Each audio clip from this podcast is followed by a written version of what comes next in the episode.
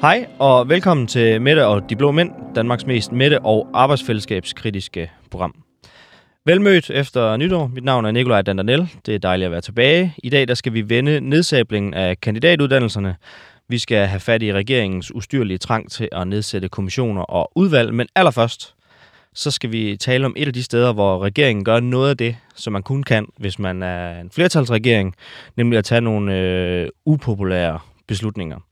Og moderen af upopulære tiltag, de har øh, foreslået, det er afskaffelsen af Stor Bededag. Fordi at, øh, udover selve arbejdsgiverne, som jo altså får en fordel ud af det her, så skal man virkelig lede længe i debatspalterne og på sociale medier for at finde bare en, der synes, det her det er en god idé. Velkommen til studiet, Levant Namo. Tusind tak.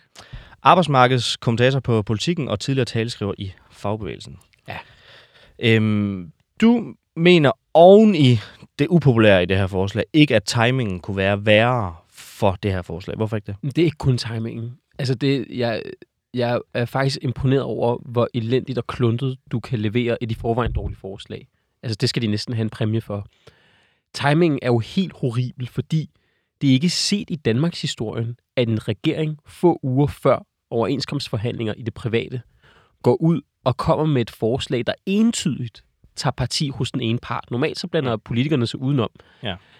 At de vælger at gøre det så på et tidspunkt, altså man kan sige, før regeringen kom med det her forslag, Mm. der var vi nogen, der kiggede på overenskomstforhandlingerne og tænkte, uha, det ser virkelig svært ud. Faktisk, jeg havde faktisk skrevet min analyse i politikken, Mm. inden regeringen kom med deres store bødedagsforslag, og der var rubrikken, det her det bliver de sværeste forhandlinger i det her århundrede.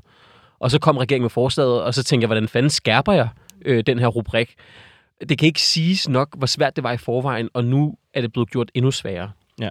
Og det er derfor timing, altså jeg forstår faktisk ikke helt, hvad de har tænkt Ja. i regeringslokalet, fordi de skulle bare have ventet til overenskomstforhandlingen var slut. Og hvis vi skal dykke lidt ned i, hvorfor timing er så elendig, jamen det er den jo, fordi øh, det her med, at man skal arbejde en ekstra dag, det kan du sådan set, det tror jeg godt, du kan få folk med på, hvis der er de rette omstændigheder, hvis man går i forhandling med arbejdsmarkedets parter, hvis man laver det rigtige øh, forarbejde. Men her, der gør regeringen det, at de tager et forslag, som i øvrigt er noget landbrug og fødevare har foreslået i deres 2025-plan. For seks år siden. Lige præcis, lige præcis. Så det er sådan et arbejdsgiverforslag, som de gør til lov.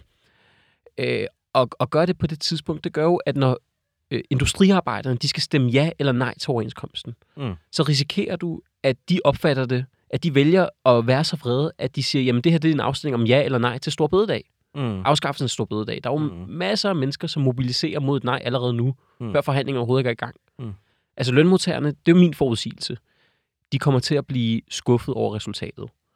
Vi ser allerede i fagbevægelsen, at baglandet begynder at kræve reallønstigninger allerede fra øh, i år og næste år. Mm. Der må man bare sige, forget it. Det kommer simpelthen ikke til at ske. Men også selvom, at man kunne synes, det kan vel praktisk talt nærmest ikke lade sig gøre i den situation med inflation og så videre. Der er det er sådan set godt. ja, hvis man beslutter sig for det, så kan det godt. Sagtens. Øh, hvis vi lige skal tage rammerne for noget af det, vi taler om her, mm. altså de overenskomstforhandlinger, som netop er gået i gang, så er det 600.000 øh, lønmodtagere, lønmodtagere, som skal have en øh, ny overenskomst Mm.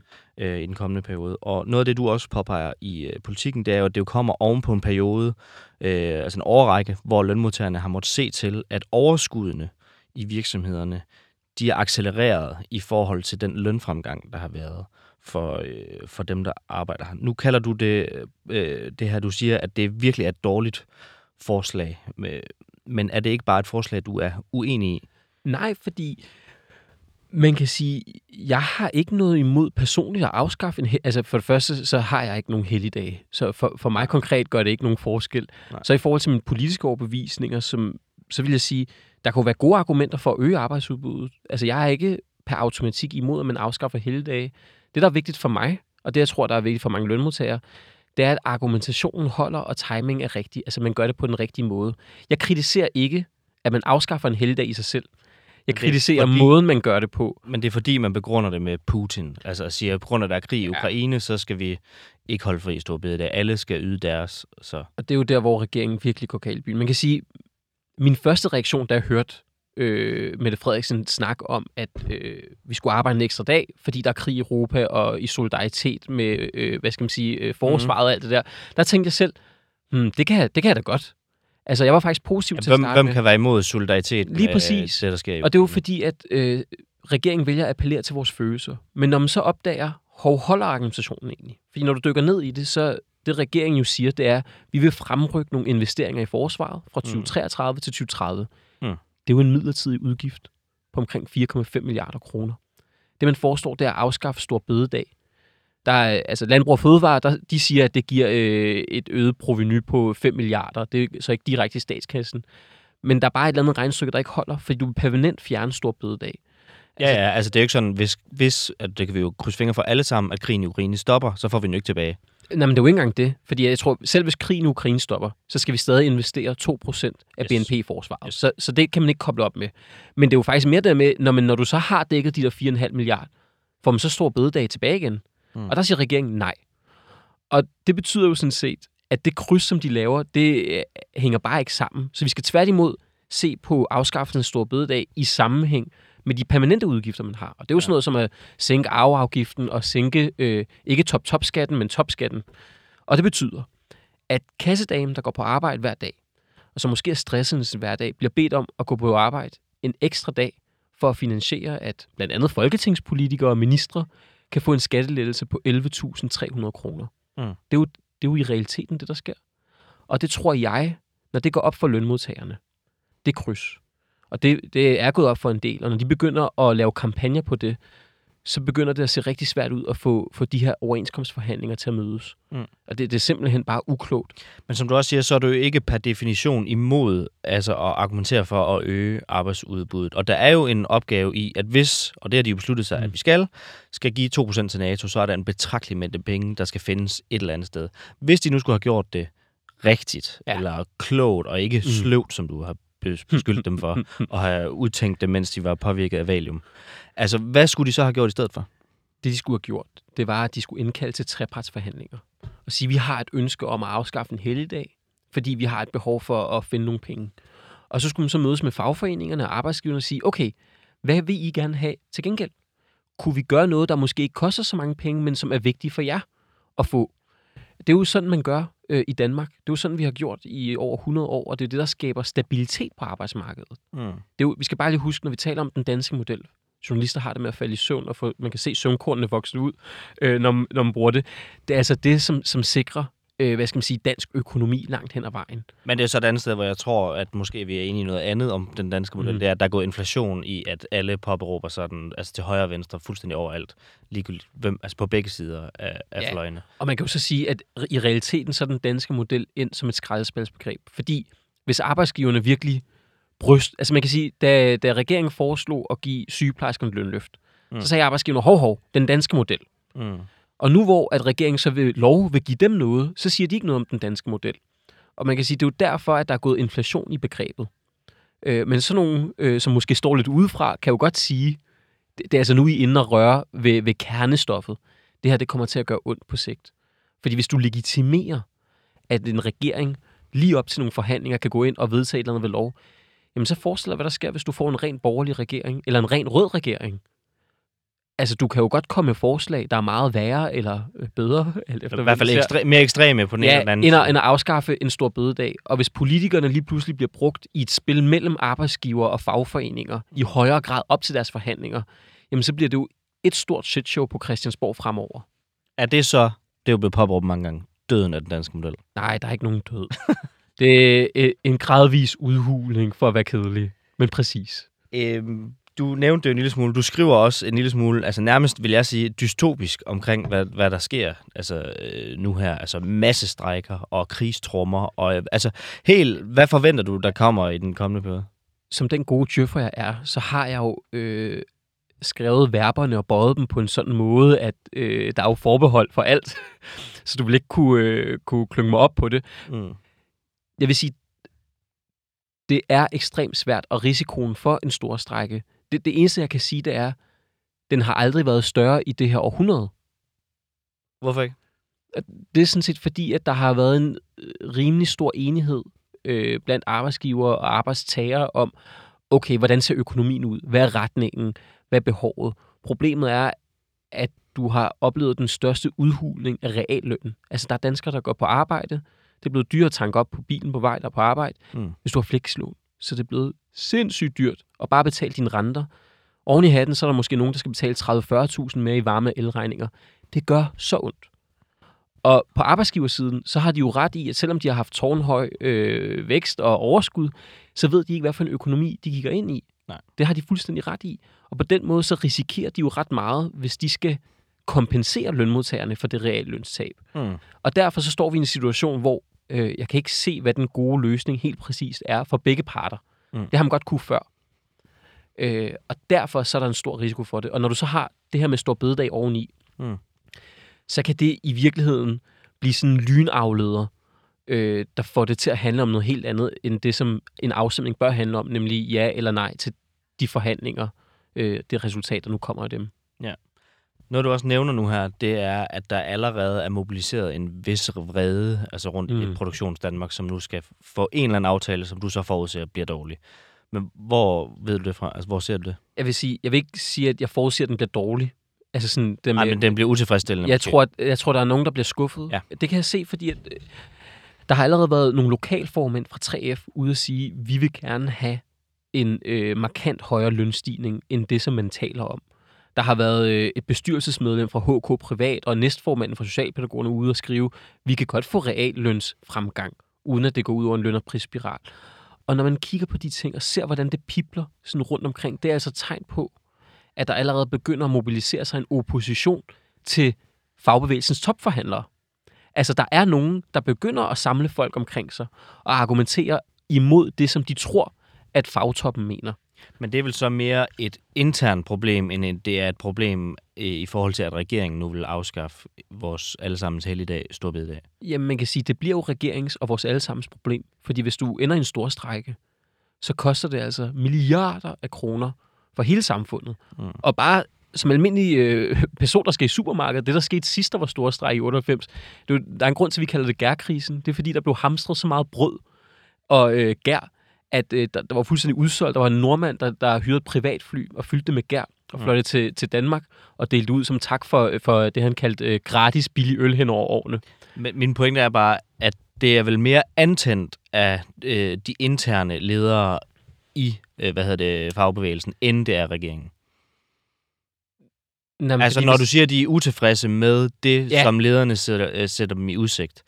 Altså, det er vel mere en intern øh, Men- manglende forventningsafstemning i forhold til, hvad forhandler vi egentlig om, Ja, og hvad kan en- vi se frem til? Det er ikke en manglende forventningsafstemning. Det er jo bare forskel i, hvad der kan lade sig gøre. Og så vil jeg sige, det her med stor bededag, det skal du så lægge oven i det. Mm. Det er jo det, der er hele pointen. Det er oven i den vrede, så kommer det med stor bededag.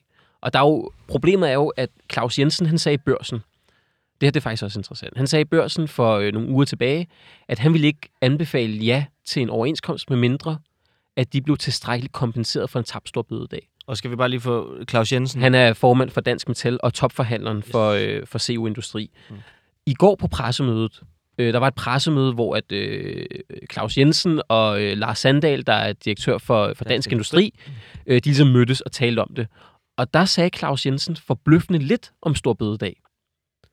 Og det kunne godt ligne, at han er ved at gå på retræte på den. Men han har allerede selv øh, bundet sammenhængen mellem Stor Bededag overenskomsterne. Og det kan du ikke trække tilbage, uanset hvor meget du ikke vil snakke om det. Og derfor så er det blevet et overenskomstspørgsmål. Og det giver jo god mening, fordi det handler om løn og arbejdsvilkår, og det er jo det, overenskomster handler om. Så hvis der er nogen, der prøver at bilde nogen ind, at Stor Bededag ikke har nogen som helst sammenhæng med overenskomster, så ved de simpelthen ikke, hvad de snakker om. Men det kunne så også godt tyde på, at regeringen måske faktisk har afstemt det her i de områder, hvor at det nu øh, kommer til at være presserende. Jeg vil sige, at alle dem, jeg har snakket med, er øh, øh, fuldstændig chokeret over, hvad det er, der sker. Øh, det kan godt være, at der er blevet afstemt på arbejdsgiversiden. Det virker ikke til, at der er afstemt øh, hos fagbevægelsen. Alright. Jamen, øh, tusind tak, fordi at, øh, du havde tid og lyst til at komme på besøg, Lavant Namo. Tak for invitationen. Altså, hvis det havde været en venstre statsminister, der havde holdt talen, så havde den naturligvis været anderledes. Så den del havde vi jo nok også øh, haft med, hvis det havde været en venstre statsminister, der havde holdt, øh, der havde holdt talen. Og hvis der havde siddet en, øh, en blå venstre statsminister i statsministeriet, så havde det jo været en anden tale med nogle andre ord. Men som jeg starter med at sige, havde det været en venstremand, der havde siddet i statsministeriet, så havde talen jo selvfølgelig været anderledes. Det, det tror jeg siger sig selv. Nu skal vi kigge på det øh, dødgrønsfarvede øh, regeringsgrundlag, som SVM Arbejdsfællesskabet det bygger på. Fordi at i det her regeringsgrundlag, der er der nemlig nedsat, og nu er det med at holde ørerne stive, to kommissioner, fire udvalg, to partnerskaber, en ekspertgruppe, et råd og en arbejdsgruppe. Øhm, velkommen til, øh, Solbjerg Jacobsen. Og tak. Beskæftigelsesordfører i Liberal Alliance. Din øh, partikollega Steffen Larsen, han har jo på jeres vegne været ude at kalde det her for en art øh, ekspertificering af det politiske øh, system. Hvad, hvad mener I med det? Men det er, som ordet siger, en ekspertificering. Altså, jeg synes, det var meget, meget smukt sagt. Men det handler jo meget om, at øh, politik på en eller anden måde med, med den her tilgang til, øh, til regerings- regeringsgrundlag, er, at øh, uanset hvad, hvad det kommer til at træffe beslutninger nu, for det første, så, så kommer det til at gå i stykke tid nu. Det er jo der, hvor jeg kan se, at mange partier kalder det syltekrukker. Det er jeg også for så vidt enig i, at det, det kunne sagtens have en karakter af det. Men når de så får det her anbefalinger, og øh, eksperterne har udtalt sig, så, så er det ligesom klarlagt for dem, det er det, vi skal gøre. Det kunne være et tegn på, synes jeg, at nu har vi fået en regering, hvor både Socialdemokratiet og Moderaterne og Venstre skal være enige om, hvad, hvad vejen skal være. Og det har det måske svært ved. Det kunne jeg forestille mig. Det har i hvert fald sagt rigtig mange forskellige ting. Og øh, så venter man bare på, hvad eksperterne siger. Og så er det den beslutning, man tager. Og når, hvis der skulle ske, at, at det så ikke går som forventet, men så er der også en ansvarsfralæggelse i forhold til, jamen vi gjorde jo, hvad eksperterne anbefalede. Så det her med, at politik skal være baseret også på, på noget holdning og noget ideologi og et fundament, som man selv har, det bliver ligesom fjernet. Det bliver eksper- ekspertificering, som Steffen Larsen jo siger, at øh, det er op til eksperterne, hvad de siger.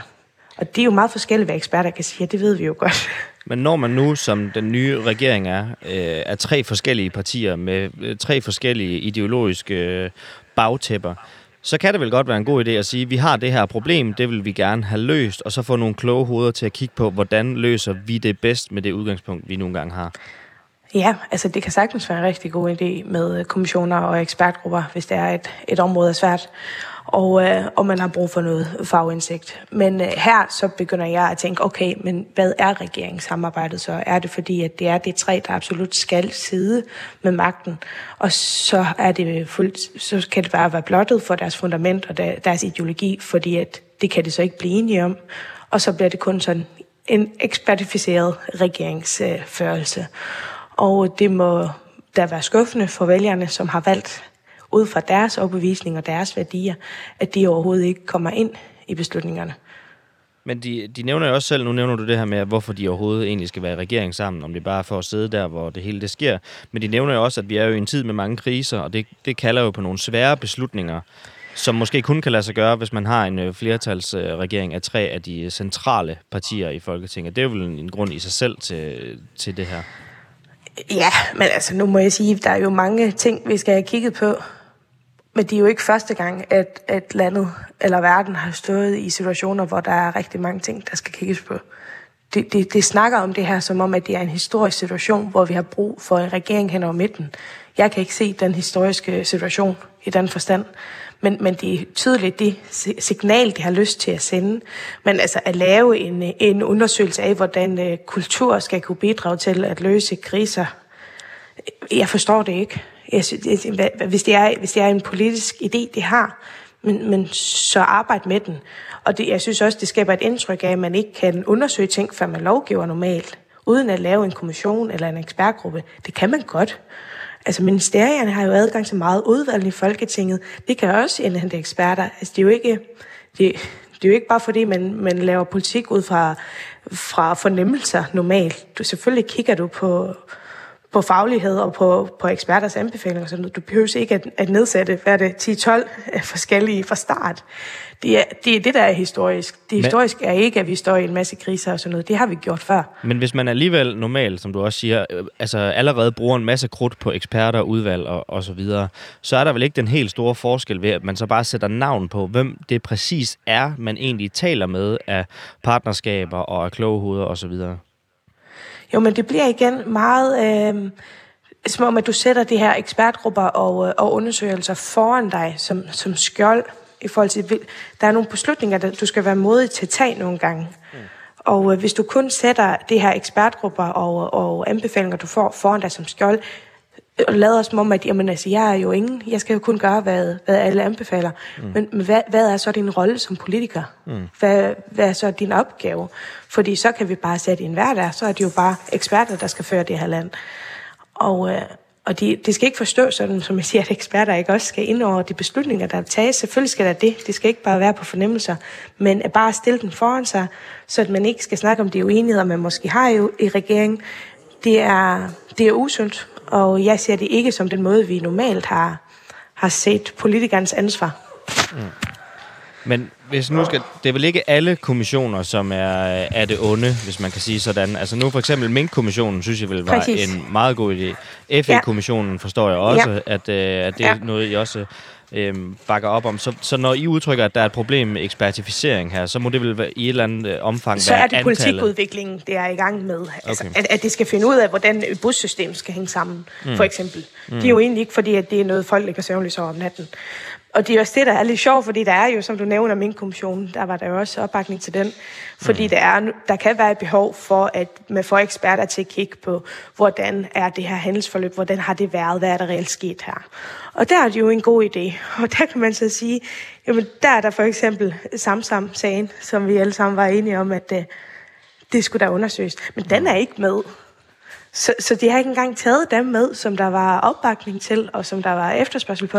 Så selvom der er for mange, så kunne der godt, så kunne der godt lige være en mere, som så, I så, så synes er, er en god idé? Så er der ikke dem, som egentlig var, var snak om, vil give mening. Mm. Altså at udvikle på, hvordan bussen kører frem og tilbage, hvordan kulturen skal, skal være i, i Danmark, det kan man da sagtens lave, uden at lave kommissioner og ekspertgrupper osv. Men sådan noget som at at fastlægge, hvad er der sket, øh, hvad er fakta i nogle mm. sager, hvor, hvor der kan være mistanke om, hvordan politikere har ageret, hvordan øh, embedsværket har ageret. Der vælger man ikke at prioritere det lige så højt. Mm. Og det synes jeg er yderst besynderligt. Altså nu nævner du nogle forskellige øh, råd og grupper her. Altså hvad, når du kigger ned over listen, hvad er så det mest overflødige, øh, de har nedsat? Jamen, altså, det, det, det lyder lidt som om, at det her det er alle de ting, når de har siddet og skulle danne regering og været uenige om nogle ting, så har det sagt, okay, lad os få nogen til at kigge på det. Og så har det sparket det til hjørne. Til for eksempel uh, arbejdsgruppen om levevilkår for personer, der sælger sex. Mm.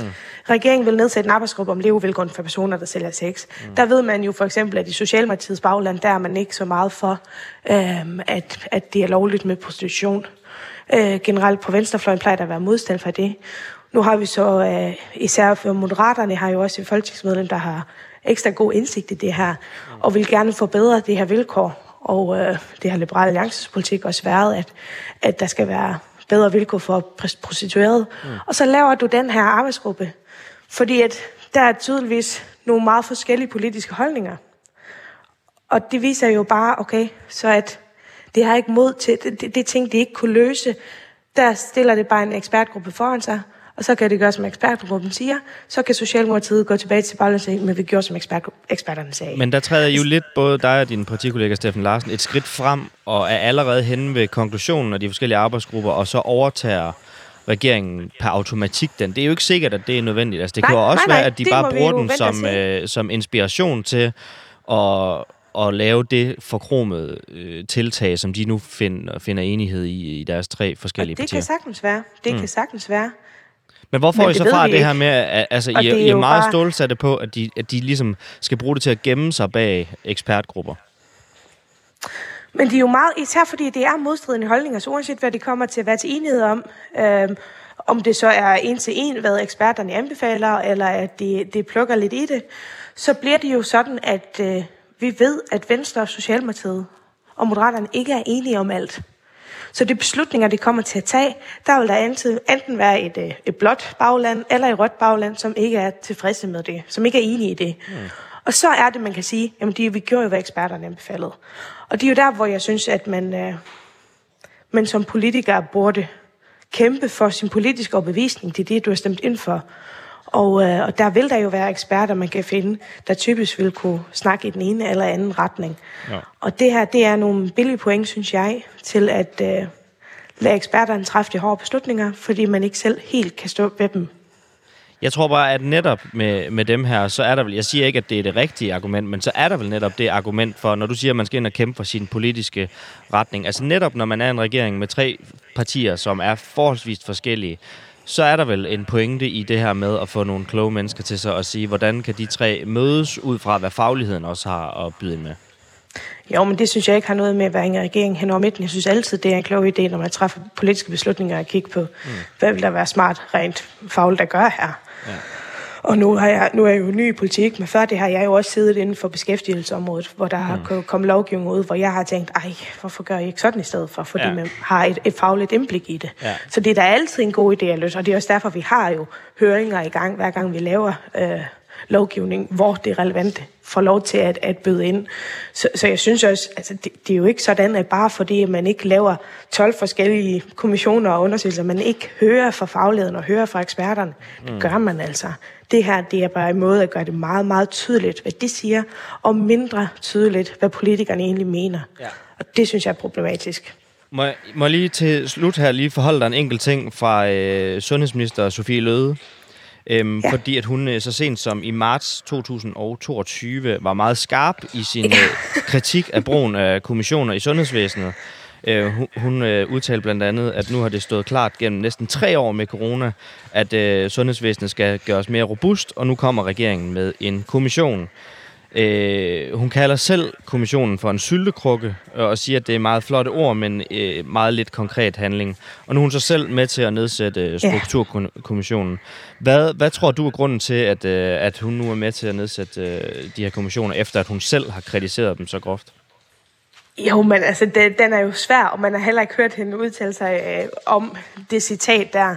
Nej. efter eller, regeringsdannelsen. Eller stort set noget som helst andet. Eller noget som helst andet. Og det er jo der, hvor at, øh, at det her regeringsgrundlag, det er jo et stort kompromis på mange måder. Ja. Og der synes jeg, at det, der, der er mange ting, der klinger hult nu, som mange har sagt. Ja. Og Sofie Løde har også sagt rigtig, rigtig mange ting om, øh, om minkskandalen, som overhovedet ikke står med nogen mening i forhold til, at nu har de så valgt at lade være med at holde fast i en advokatundersøgelse. Altså, det, så, så jeg har ikke så meget andet at sige til det, end at øh, det er jo politik. Man har en holdning, man har en ny eller et eller andet, som ja. man, man har hørt fra, fra dem. Der er det jo godt Men, at være en øh, ny folketingspolitiker, fordi så er der ikke det helt store bagtæppe og Nej, det, og, det, kan være, du, det kan være, at I citerer mig for, hvad jeg har sagt her i dag om nogle år. Det ja, ved jeg ikke. Det håber jeg ikke. Vi tales ved om et par år, og så, så ser vi, hvad der er at finde på dig. Ja. Solbjørg Jacobsen, beskæftigelsesordfører i uh, Liberal Alliance. Tusind tak, fordi du var med. Selv tak. Og som en lille krølle på Sofies, Sofie Lødes hale, så kan jeg også fortælle, at øh, hun tidligere direkte har beskyldt Mette Frederiksen, altså hendes øh, nye chef, for at slette bevismateriale i øh, minkskandalen, og for at være alt for dårlig til at stille op til interviews. Og så i Berlingske, der kan vi i den her uge læse, at hun nu for syvende gang i træk har undladt at stille op til øh, interview. Og det kunne jo ellers have været fantastisk. Altså, man kunne have spurgt øh, Sofie Løde, mener du fortsat, at Mette Frederiksen, landets statsminister og din statsminister, har slettet bevismateriale? Og hvad skal et menneske egentlig have gjort, før at du ikke vil arbejde under hende, hvis det giver dig en ministerbil? Hvor er din grænse, Sofie Løde?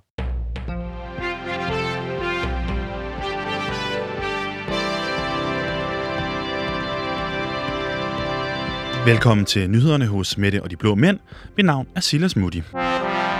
Mette Frederiksen mener, at det skal være slut med konsekvenserne af sit eget tiltag. Det skal være slut med, at alvorligt, ja, endda dødeligt syge borgere bliver sendt i aktivering. Og det er man meget glad for at høre i Dansk Socialrådgiverforening, der ofte ser eksempler på syge borgere, der bliver sendt i arbejde.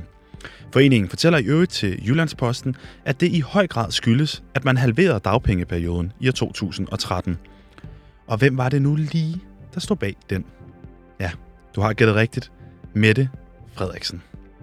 Og det minder mig sådan lidt om Mette Frederiksens nye legekammerat Lars Lykke, der har bygget det halve af sit politiske projekt op på at lave om på de ting, han selv tidligere har indført. Afskaf mine regioner, afskaf smykkeloven, afskaf min grænsekontrol, blev der sagt. Og nu virker det altså til, at Mette Frederiksen har taget ved lære af politiker Lars og mestrer finden med at gå til kamp mod det, man tidligere selv har indført. Og så kan man jo lige spørge sig selv, hvor ordet politikerlede må stammer fra. Forsvarsviceminister Venstre General, vidste du, at jeg faktisk engang har været i Bosnien? Jakob Ellemann Jensen har fået Botox. Politisk kommentator Hans Engel fortsætter sin personlige mission om at få Jakob Ellemann til at tabe rang, bøje nakken og få ændret på den lidt for perfekte militære kropsholdning. Først sagde Engel sådan her på TV2 News om titlen som vicestatsminister. Det er ingen officiel titel. Det er ikke en, der indgår i øh, nogen som helst steder. Altså, det er, du kunne lige så godt kalde dig kejser af Kina eller et eller andet. Altså, det er, det er ikke nogen titel. Og nu går Engel så i Ekstrabladet i rette med Jakob Ellemann Jensens forklaring om, at det er ham, der tager over, hvis der skulle ske noget med Mette Frederiksen. Det vil nemlig være finansminister Nikolaj Vammen, mener Hans Engel og fortsætter. Det handler bare om at give Ellemann noget politisk botox, så han kommer til at se stor ud. Det skal lyde noget, men der er bare ikke noget indhold. Tidligere sundhedsminister og nuværende drømmejobsindehaver tror ikke på maks 10 genstande om ugen. Drop de løftede pegefinger i debatten om vores alkoholkultur. Sundhedsstyrelsen har ikke noget evidens for at sætte deres grænse på 10 genstande om ugen, udtaler tidligere sundhedsminister. Og når ja, nuværende formand for Bryggeriforeningen, Nick Hækkerup, til politikken. Til det svarer Sundhedsstyrelsen. Der ligger et meget solidt arbejde bag grænsen på 10, og fremhæver blandt andet risikoen for at dø. Da politikens journalist Anders Legar spørger, om det ikke er lidt mærkeligt, at Nikkerup som sundhedsminister skulle kæmpe for, at vi drak færre øl, og nu skal kæmpe for, at vi drikker flere, svarer Nikkerup, at han som sundhedsminister prøvede at sige, at man skulle tage en øl, tage en mere, og så tage lidt på konen. Nick han demonstrerer her tydeligt, hvad der sker, når man overstiger de 10 genstande. Jeg ved ikke helt, om han er blevet bimst af at blive lobbyist, humletester, eller om det blot skyldes, at han har været medlem af Socialdemokratiet i 30 år. Men måske vi lige kollektivt skulle beslutte ikke at lytte mere til Nick Hækkerup. Den tidligere Jeg er rød for jeg er grøn statsminister Mette Frederiksens skattepolitik giver tre gange så høje skattelettelser til en direktørfamilie som til en arbejderfamilie. Det fortæller Jyllandsposten efter at have gennemgået Finansministeriets egne tal. Og det glæder jeg mig helt personligt til at høre meget mere om i Mette Frederiksens kommende 1. maj-tale, hvis hun da får lov at holde sådan en i år. Ingen vil stå ved ideen om afskaffelsen af Stor Bededag. Der er ikke nogen i regeringen, der vil stå ved, at det er dem, der har foreslået at afskaffe Stor Bededag. Og det har naturligvis ikke noget at gøre med, at antallet af mennesker, der mener, at det her det er en god idé, kan tælles på en hånd på størrelse med Donald Trumps. Til gengæld er forslaget ikke helt nyt. Allerede i år 2016 udkom Landbrug og Fødevare med en 2025-plan, hvor der står, for at øge arbejdsudbuddet og produktionen foreslås stor bededag afskaffet. Initiativet vil øge arbejdsudbuddet svarende til 10.000 personer og øge BNP med 5,5 milliarder kroner. Det synes jeg, jeg har hørt et sted før. Hvis der nu bare var et parti i regeringen med historisk tætte bånd til landbrug og fødevare. Hmm.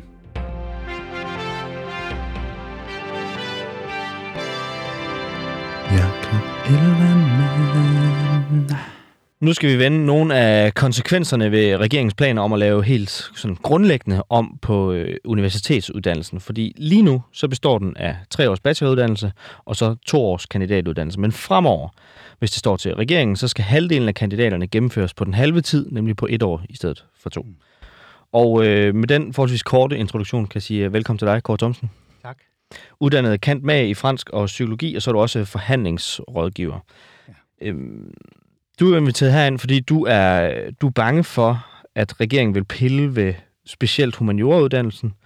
Øhm, og så helt generelt, så mener du, at en forkortelse af kandidatuddannelsen vil gøre samfundet dummere. Hvorfor mener du det? Det mener jeg, fordi øh, de humanistiske kandidater, en stor del af dem, og dem jeg tænker på i den her forbindelse, de skal være gymnasielærere. Det vil sige, de uddanner hele ungdommen. Gymnasiet er det tidspunkt i livet, de tre år, hvor en dansker, som har valgt gymnasiet, møder humaniorer på højt niveau. Når gymnasiet er slut, så er den chance væk, så fokuserer man på erhvervet, og for langt de fleste, så er erhvervet ikke et højt specialiseret humanistisk studium. Mm. Så en gang i livet, der lærer man humaniorer på et højt niveau, og når jeg siger højt niveau, så er det fordi, man lærer det, at de kandidater, der er der i dag, der har det niveau, de har. Mm. Hvorfor er det så stort et problem med lige præcis forkortelsen af humaniorer? I forhold til det, du taler om her. Men altså, når man skærer et år af uddannelsen, Ja. så uanset hvorfor et spin det kommunikeres med, så forringer man jo uddannelsen med et år. Der er et år mindre til at blive den akademiker, man ellers skulle være blevet. Mm. Jeg tror ikke på nogen af, nogen af de argumenter, der har været sagt om, at så kan man gøre noget andet, der gør kandidaterne lige så gode. Det bliver de ikke. Altså, vel, når du siger de argumenter og det spin, hvilket spin er det, du ser? Spændet kan blandt andet være, jamen så åbner vi bare lidt mere for, for noget mere efteruddannelse. Mm. Det er der rigeligt af allerede nu, og det bruges i fuld flor af gymnasielærere. Gør gerne det bedre, men det er manipulation at sige, at det skulle kunne, kunne gøre det ud for, at man så forkorter øh, den grundlæggende uddannelse med et år. Og et andet spænd, øh, øh, hvad er nu det andet, jeg har skrevet i artiklen? Nu glemte jeg lige, hvad jeg ville sige der. Det er helt okay. Øh, men, men generelt så vil det jo gælde, at du skal ud i, i øh, gymnasiet og undervise. Og du har måske ikke skrevet... Nu ved jeg jo ikke, hvordan man vil bære sig ad med at forkorte de der to år, for to år er meget lidt til en Ja. kandidatdel, som jeg ser det. Skulle, den, skulle den være længere? Det er jeg nok ikke den rette at spørge om, fordi jeg har jo ikke på Mm. den måde forstand på uddannelsespolitik. Mm. Jeg mener jo ikke, man kan blive for klog, så at sige, i, øh, i forhold til humaniora, men det, det kan man jo måske nok. Vi kan bare sige, at vi har det niveau, vi har i dag, og det er et niveau, der bygger på en tradition, som er, er ret gammel. Og grunden til, at jeg synes, det er virkelig problematisk at skære ned på det niveau, det er fordi, du har de tre år i gymnasiet, det tidspunkt af dit liv, hvor du har den højeste intelligenskvotient, ifølge intelligensforskning. Det kan godt være, at unge mennesker, de, de har mange problemer, trivsel og ting og sager, men deres hjerner kører på fuld tryk, og de kan virkelig lære noget der. Hvis de bliver uddannet på et ringere niveau i humaniora, så er de uddannet på et ringere niveau i sådan noget som at lave analyser, zoome ind og ud på noget, der er abstrakt og konkret, bruge modeller og bruge viden om kultur og historie til at forstå, hvordan sammenhængen fungerer. Og så en sidste ting, at formulere både problemerne og løsningerne. Altså hele det, der er humaniora, det bliver en hel generation med et brag dårligere til, og det vil de være i al evighed. Men nu, når du så nu siger, at de bliver uddannet ringere, øh, Er kandidaterne på universiteterne? ja, og det har så en følgevirkning ned i gymnasieeleverne, øh, fordi at deres undervisere så øh, er uddannet mindre. ja, inden for humaniora. Ja.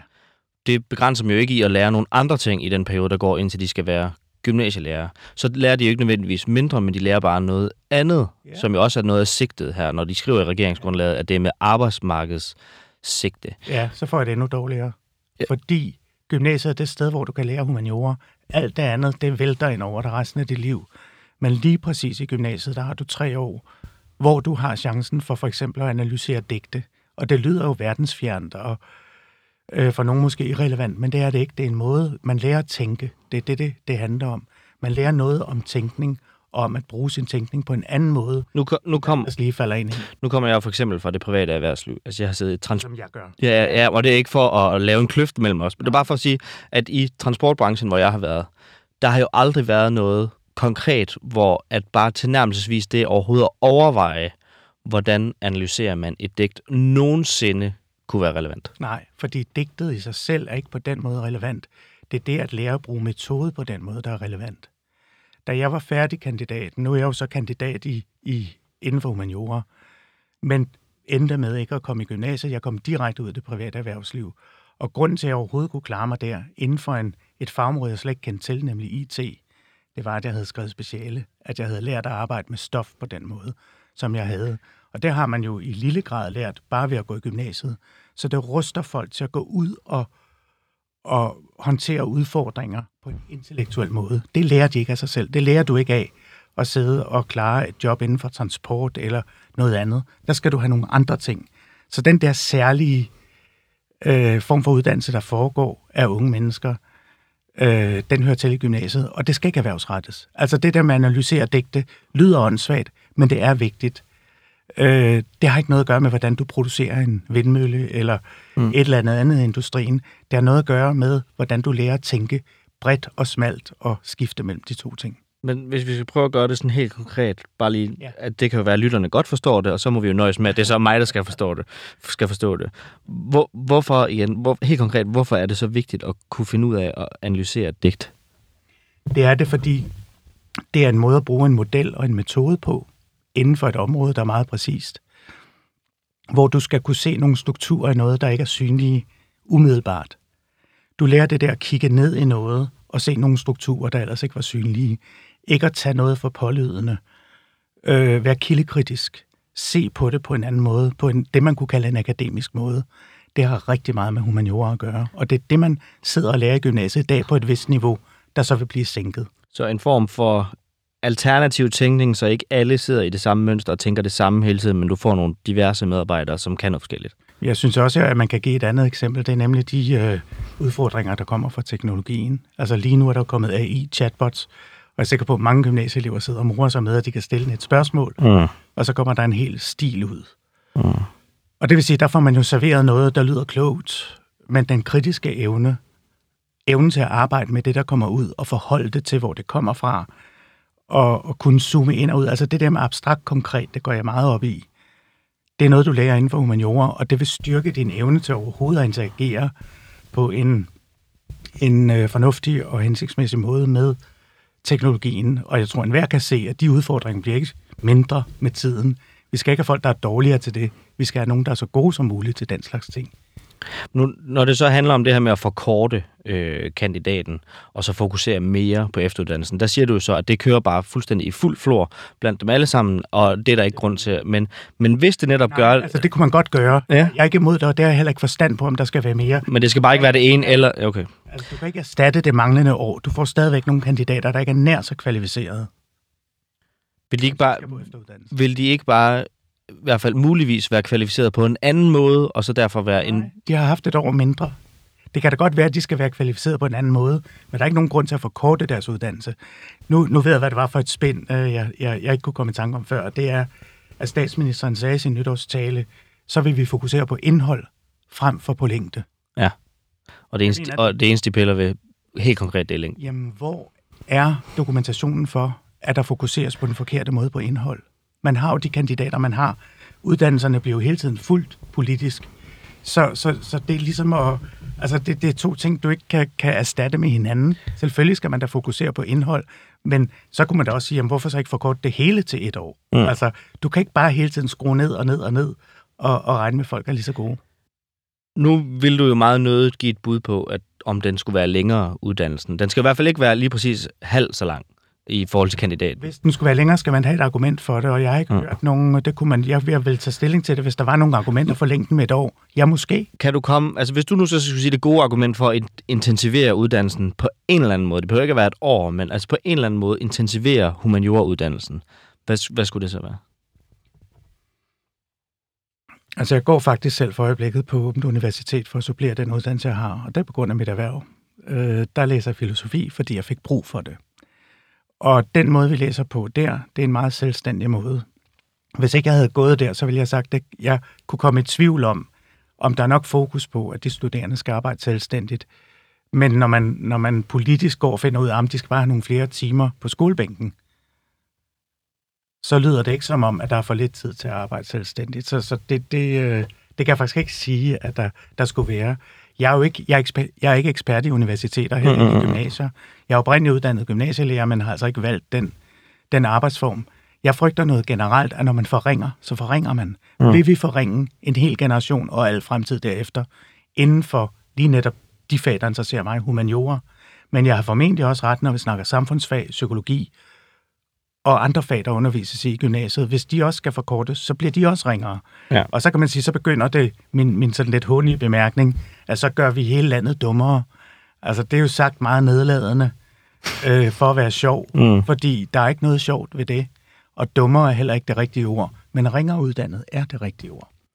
Men så noget andet, i forhold til det, det du fik allermest galt i halsen næsten, det var jo det her med arbejdsmarkedets øh, sigte. Men hvis jeg lige må prøve at gribe, ja, hvis jeg lige må prøve at gribe fat i det. Mm. Øhm, ifølge Danmarks Statistik, så er der knap 40 procent af de humanioruddannede, som står uden et arbejde, efter de er færdige med deres uddannelse. Ja. Så er det vel fornuftigt nok at sigte efter ikke at uddanne folk ud i arbejdsløshed. Det er et spørgsmål, du skal stille politikere og ikke mig. Men jeg har dog den kommentar, at vi har noget, der hedder en bachelorgrad. Øh, jeg ved ikke, hvor mange der tager den, og jeg ved heller ikke, hvilken succes de har på arbejdsmarkedet.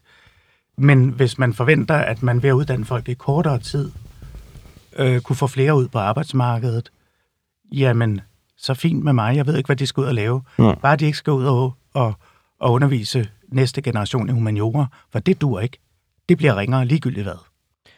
Hvis du så nu, lad os forestille os det øh, eksperiment, Ja. at du måtte indrette altså, en ændring, eller øh, altså, lave et tiltag, præcis som du vil, og du har fuld flertal i Folketinget på det her område. Altså, hvad vil du så lave om? Hvis noget. Ja, igen synes jeg, jeg er lidt den, den forkerte at spørge. Altså, jeg er jo inviteret ind her, fordi jeg har skrevet et, Ja, et, øh, et, et debatindlæg i politikken, der handler om gymnasieelever. Det er dem. Jo, jo, men du kritiserer jo også en, øh, en ændring, og så er det jo oplagt at spørge, hvis ikke Ja. den ændring, så hvis nogen ændring, hvad så? Ja, altså, jeg ved ikke, om man skal uddanne gymnasieelever, øh, sluddervold, gymnasielærer på en anden måde. Det har jeg ikke forstand på. Men jeg er modstander af principielt, at man bare forringer det, bare forkorter det. Der skal mindre til. Og det går nok, det er bare snakkefag. Det, det er det, jeg, jeg, jeg sådan set kaster mig over. Jeg synes ikke, jeg skal udtale mig om, hvordan man i dag uddanner gymnasielærer.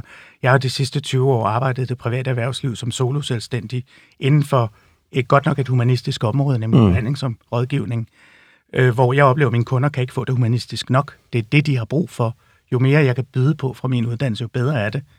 Øh, men men det, er jo, det er jo mit fag, og jeg er jo en færdig kandidat, og jeg fandt den vej øh, i stedet for gymnasiet. Jeg tror, jeg havde, det havde været bedre at spørge mig, hvis jeg var, var gymnasielærer i dag. Det er jo altså. Kan jeg så spørge dig på en anden måde? Ja. Hvad håber du, der sker? Jeg håber, at man ikke forkorter længden af uddannelsen på dem, der skal uddanne unge mennesker. Kåre Thomsen, tusind tak, fordi du havde tid og lyst til at komme forbi. Tak lige måde. kan jeg godt love, jeg kommer aldrig til at pege på Mette Frederiksen som statsminister i Danmark. Lev med det. Ordet aldrig er ret ultimativt. Her, der er jeg ultimativt. Jeg vil have en borgerlig statsminister. Lev, lev, lev, lev med det. Ingen uge uden en tildeling af en pris for ugens skraldemand. Prisen til personen, der har dedikeret sig selv til den utaknemmelige opgave, det er at forsvare nogle af alle de her snortoppe, som regeringen spinder derudad. Og vi har jo kun givet prisen én gang, og der gik den til Moderaternes gruppeformand, Henrik Fransen, der på trods af at være ny i Folketinget, viste sig utrolig lærernem i kunsten at tale sort i forsøget på at tale udenom. Og i den her uge, her efter nytår, der har jeg virkelig let for at finde en øh, bedre kandidat end Henrik Fransen til den uge. Men I er nødt til, og det er I virkelig, nødt til at høre den her passage fra Frihedsbladet, hvor han skal forsvare Moderaternes kovending, når det kommer til et dansk modtagscenter i det afrikanske land Rwanda. Indvalget, der fremhæver Frihedsbrevet følgende citater fra modtagscenteret fra deres formand og nuværende udenrigsminister Lars Løkke Rasmussen. Det er en vanvittig måde at drive politik på. At lade som om man løser nogle problemer, det er symbolpolitikkens næste niveau, det er intentionspolitikken, og det kommer til at skygge over, hvad vi i virkeligheden burde snakke om. Helt ærligt, hvis det kommer til at ske, så får vi et internationalt syn på Danmark, hvor smykkeloven er vand ved siden af, sagde altså Lars Løkke Rasmussen om øh, Rwanda-planerne, som han også har kaldt for symbolpolitikkens overmand. Men når Frihedsbrevets journalist så spørger gruppeformand for Moderaterne Henrik Fransen, om de i dag mener, at modtagscenteret skal droppes, så svarer han, som om der blev tændt sådan en knap om bag på ham fem gange i træk. Det samme, at de bakker op om det, der står i regeringsgrundlaget. Og nu er det jo inde bag en øh, betalingsvæg, men man kan høre interviewet derinde, og han siger det samme på fem forskellige spørgsmål. Og i regeringsgrundlaget, der står der altså, at modtagscenteret det skal være et fælles projekt i EU, og efter afgivet den samme replik, at, det, at de læner sig op af, hvad der står i regeringsgrundlaget, så slutter han også interviewet af med at sige, at han simpelthen står i en noget kompliceret situation, så han kan ikke tale længere nu. Og det skal jeg da ellers lige love for, at øh, det er en kompliceret situation for den gode Henrik Fransen. Det er virkelig en, øh, en imponerende indsats, han har øh, lagt for dagen, og et meget stort talent, Henrik Fransen her udviser, og det øh, lader hverken øh, den gode Rasmus Stoklund eller øh, Nikolaj Vammen noget som helst at høre, når det kommer til at tale udenom. Så her fra Mette og de blå mænd, stort tillykke med prisen, Henrik Fransen. Det er simpelthen en fornøjelse at have dig med ombord.